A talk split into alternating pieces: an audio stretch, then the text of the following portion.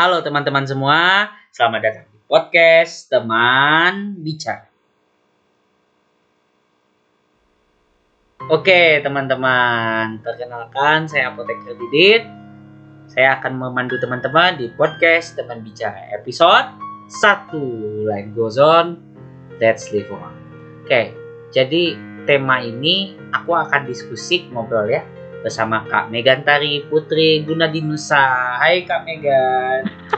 Aduh, ini udah lama nggak ketemu ini ya. Aduh, aku ngomongnya ke audiens kakak aja deh. Padahal kita mau udah kenal lama ya.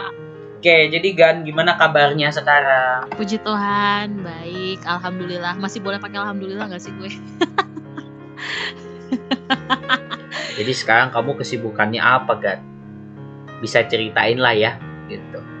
Sekarang kebetulan aku baru beres ya kuliahnya uh, November 2020 lalu, tapi gue belum sudah. Terus sekarang ya gue freelance.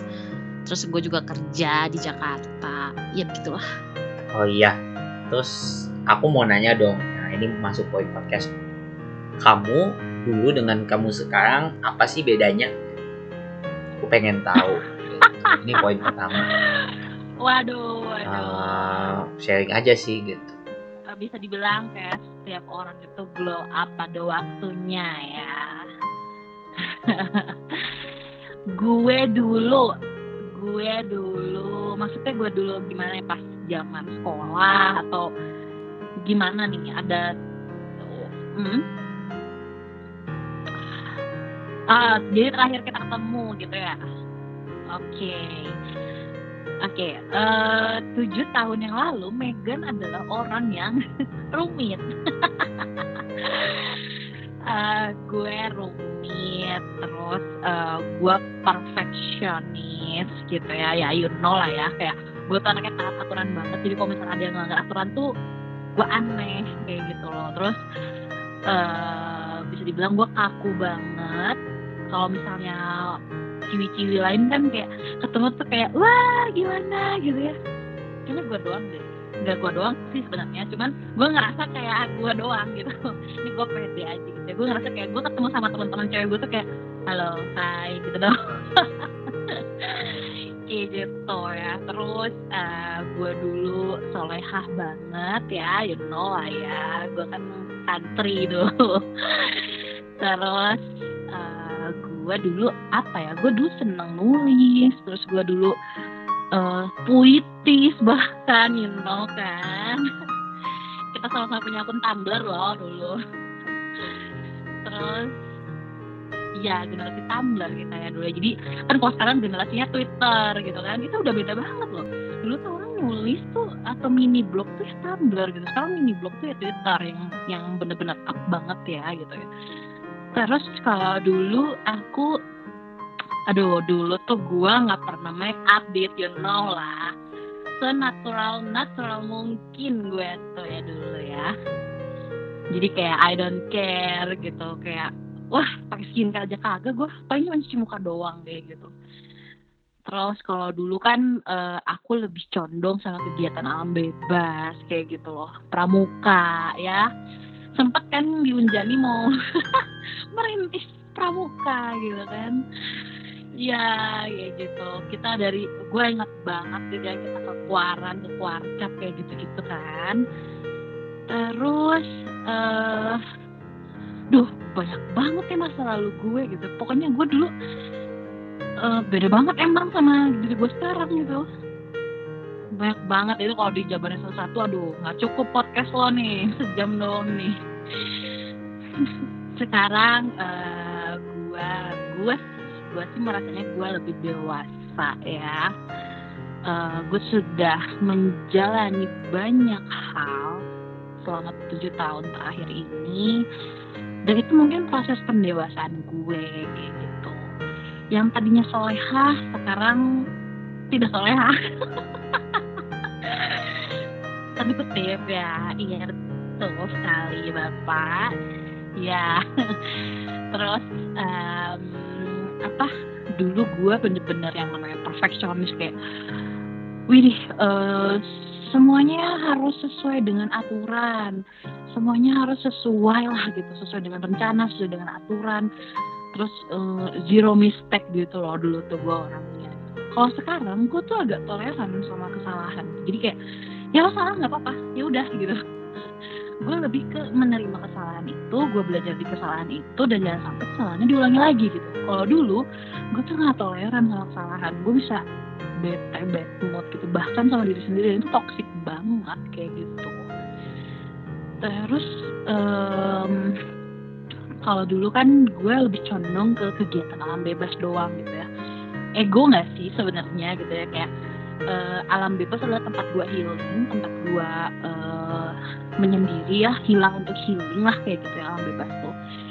Nah sekarang kegiatan-kegiatan gue lebih condong ke kegiatan-kegiatan sosial kayak isu-isu minoritas isu-isu kelompok rentan isu-isu perempuan gitu ya. Gue sekarang lebih condong sama kegiatan kayak gitu. Isu ham itu uh, aku juga berkegiatan di sana seperti itu. Terus uh, gue memperluas jejaring sih yang tadinya gue uh, gaulnya sama santri lagi gitu ya sama teman SMA gue gitu. Ya sekarang gue gaulnya lebih luas kayak gitu sih. Terus apa lagi ya? Apa lagi dit? Yang lo lihat deh. Oh iya dan gue ini gue merdeka atas pilihan untuk saat ini. Jadi uh, dulu kan gue kayak gue mau jadi apa gue mau memilih untuk apa itu kan gue ini ya apa namanya uh, menahan diri gitu kayak kayak gue masih takut sama stigma sosial gitu gitu kan. Sekarang gue udah berani kayak ah, I don't give a fuck gitu. Jadi ya jadi diri sendiri aja gitu guys gitu. Jadi santai aja gitu kayak gitu sih. Gue pokoknya sekarang jadi orang yang sans slow penuh dengan toleransi empati. Uh, gue menerima perbedaan gue menerima hal-hal yang mungkin gue nggak sepakat gitu ya. Contohnya kayak um, aborsi misalnya kayak gitu ya yang gitu-gitu.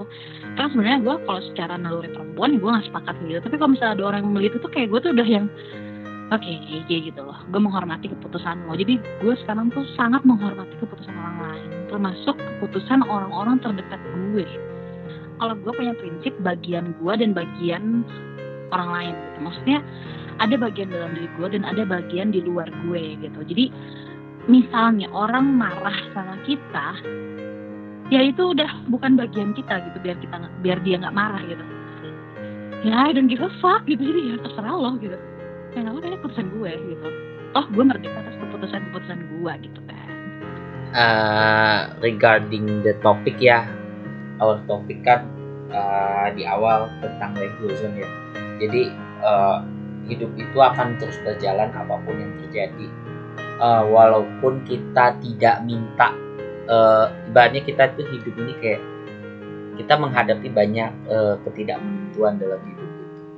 Dan kita banyak mengalami pengalaman-pengalaman yang menyakitkan. Nah uh, apalagi ya ketika di masa pandemi itu kita benar-benar kayak ya kayak helpless gitu. Loh banyak kita takut dan lain-lain gitu. Kamu gimana gan memandang hal ini? Uh, bagaimana cara kamu benar-benar bisa menghadapi tantangan kamu? Apalagi terkhusus di apa era pandemi ini gitu di mana uh, kita dihadapkan dengan pandemi corona virus disease ini. Itu okay. sih. Sebenarnya hidup gue lebih sulit dari hanya menghadapi pandemi ya.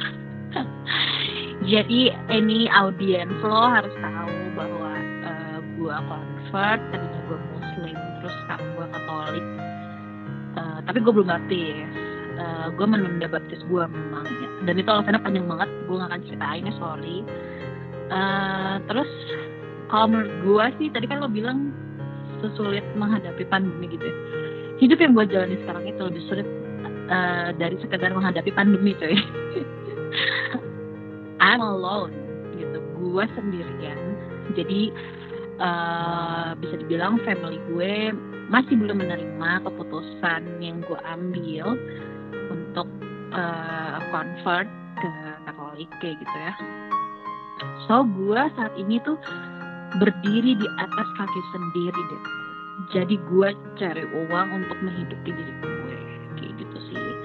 Gue melakukan apa pun gue kerja gue freelance gue jualan sambel. Terus wah banyak banget yang gue lakuin kayak gitu. Nah um, gue punya prinsip. Prinsipnya itu adalah di sini dan kini jadi gue udah kenapa? Yes. Yes. Jadi gue udah gak mikirin masa lalu dan gue juga tidak mengkhawatirkan masa depan. Jadi apa yang terjadi hari ini dan apa yang terjadi di sini itu yang gue hadapi itu yang gue pikirkan kayak gitu. Itu yang gue jalani. Boleh sih uh, masa lalu itu dilihat sebagai um, kaca ya kalau buat gue gitu. Masa depan uh, gue lihat sebagai rencana kayak gitu. Banyak teman-teman anak muda yang seusia gue tuh kayak rencananya tuh tinggi-tinggi gitu loh. Ya nggak apa-apa sih bermimpi memang nggak ada yang larang gitu ya. Tapi dengan lo bermimpi setinggi langit gitu lo harus siap kalau seandainya semesta ngejatoin lo lagi ke bumi gitu jadi uh, lo boleh bermimpi tapi lo harus siap dengan kondisi di mana kalau mimpi lo nggak tercapai lo bisa nggak ada itu gitu sih. Itu perlu dipikirkan juga. Makanya kalau gue pribadi gue sekarang udah nggak banyak berekspektasi gitu deh. Jadi gue bisa hidup sampai bulan depan aja tuh gue udah bersyukur gitu loh. Sekarang gue kayak gitu. Jadi uh, apa yang membuat gue hidup sampai hari ini ya. Because I love myself. Bisa dibilang Megan menjalani hidupnya dari 0 tahun sampai sekarang gue 26 tahun ini gitu ya. Uh, mau 27 lo inget kan? Ulang gue. Uh, ya itu uh, tidak mudah lah kayak gitu loh. Jalan hidup gue tuh nggak mudah Didit juga tahu sendiri kan gimana kisah hidup gue dari kecil sampai sekarang. Gue punya trauma masa kecil yang bener-bener not good lah ya kayak gitu. Nah iya betul. Jadi kayak kalau misalnya banyak orang yang nggak cinta sama gue atau nggak sayang sama gue siapa lagi kalau bukan diri gue sendiri gitu. Ya jadi yang membuat gue bertahan sampai hari ini adalah because I love myself gitu. Sebenarnya ada alasan lain sih cuman kalau ada alasan lain nanti gue dibilangnya kristenisasi gitu. Jadi gue gak akan sampaikan ya nanti gue dicari sama audiens lo. Terus Gan aku mau nanya nih. Uh, tadi menarik ya tadi ngomongin masalah masa lalu masa masa sekarang ya gitu. Uh, sekarang kan masih masa masa pandemi ya jadi kayak kita tuh masih sulit uh, lepas dari bayang-bayang COVID-19 ya. Dan kehidupan kita tuh kayak kehenti gitu. Kayak kita tuh nggak bisa eksplor diri takut A B C gitu. Kamu kok bisa berani banget gitu menghadapi hidup gitu. Gimana sih caranya supaya kita bisa berani mengambil keputusan dalam hidup? Sehingga kita uh, ibaratnya mengambil keputusan perubahan yang lumayan sulit loh karena kita kalau mau berubah itu kayak apalagi mengambil keputusan yang berat gitu kayak kamu gitu apa uh, apa tuh namanya uh, ya revert gitu ya dari Islam ke Katolik itu adalah keputusan yang besar. Hmm, gimana sih caranya tips dan kiat-kiatnya supaya kamu bisa berani ngambil keputusan begitu kita bebas atas diri kita. Jadi um, lebih ke personal sih ya. Jadi kalau misalnya kamu memutuskan apa pun kamu milih apa pun just do. Gitu loh just do it. Jadi um, ya tapi ini kembali ya ke pilihan masing-masing. Kalau aku ini aku sharing tentang aku ya gitu. Uh, aku nggak ngajak kalian untuk seperti aku tapi aku akan sharing tentang apa yang aku uh, pilih gitu aku memilih untuk merdeka atas diriku sendiri dan aku happy gitu deh karena eh, kebahagiaan kita itu ada di tangan kita, bukan di tangan orang lain. Dan aku eh, merdeka atas pilihanku, baik itu secara keyakinan, baik itu seni hidup gitu ya. Aku merdeka atas itu kayak gitu. Cuman nih ya, banyak orang yang eh, menganggap pilihan aku ini tuh karena pasangan lah gitu kan. Udah gue ketemu sama yang ini baru banget gitu. Eh, terus banyak yang ngira eh, dipengaruhi sama apalah apalah gitu. Padahal ini pure pilihan aku.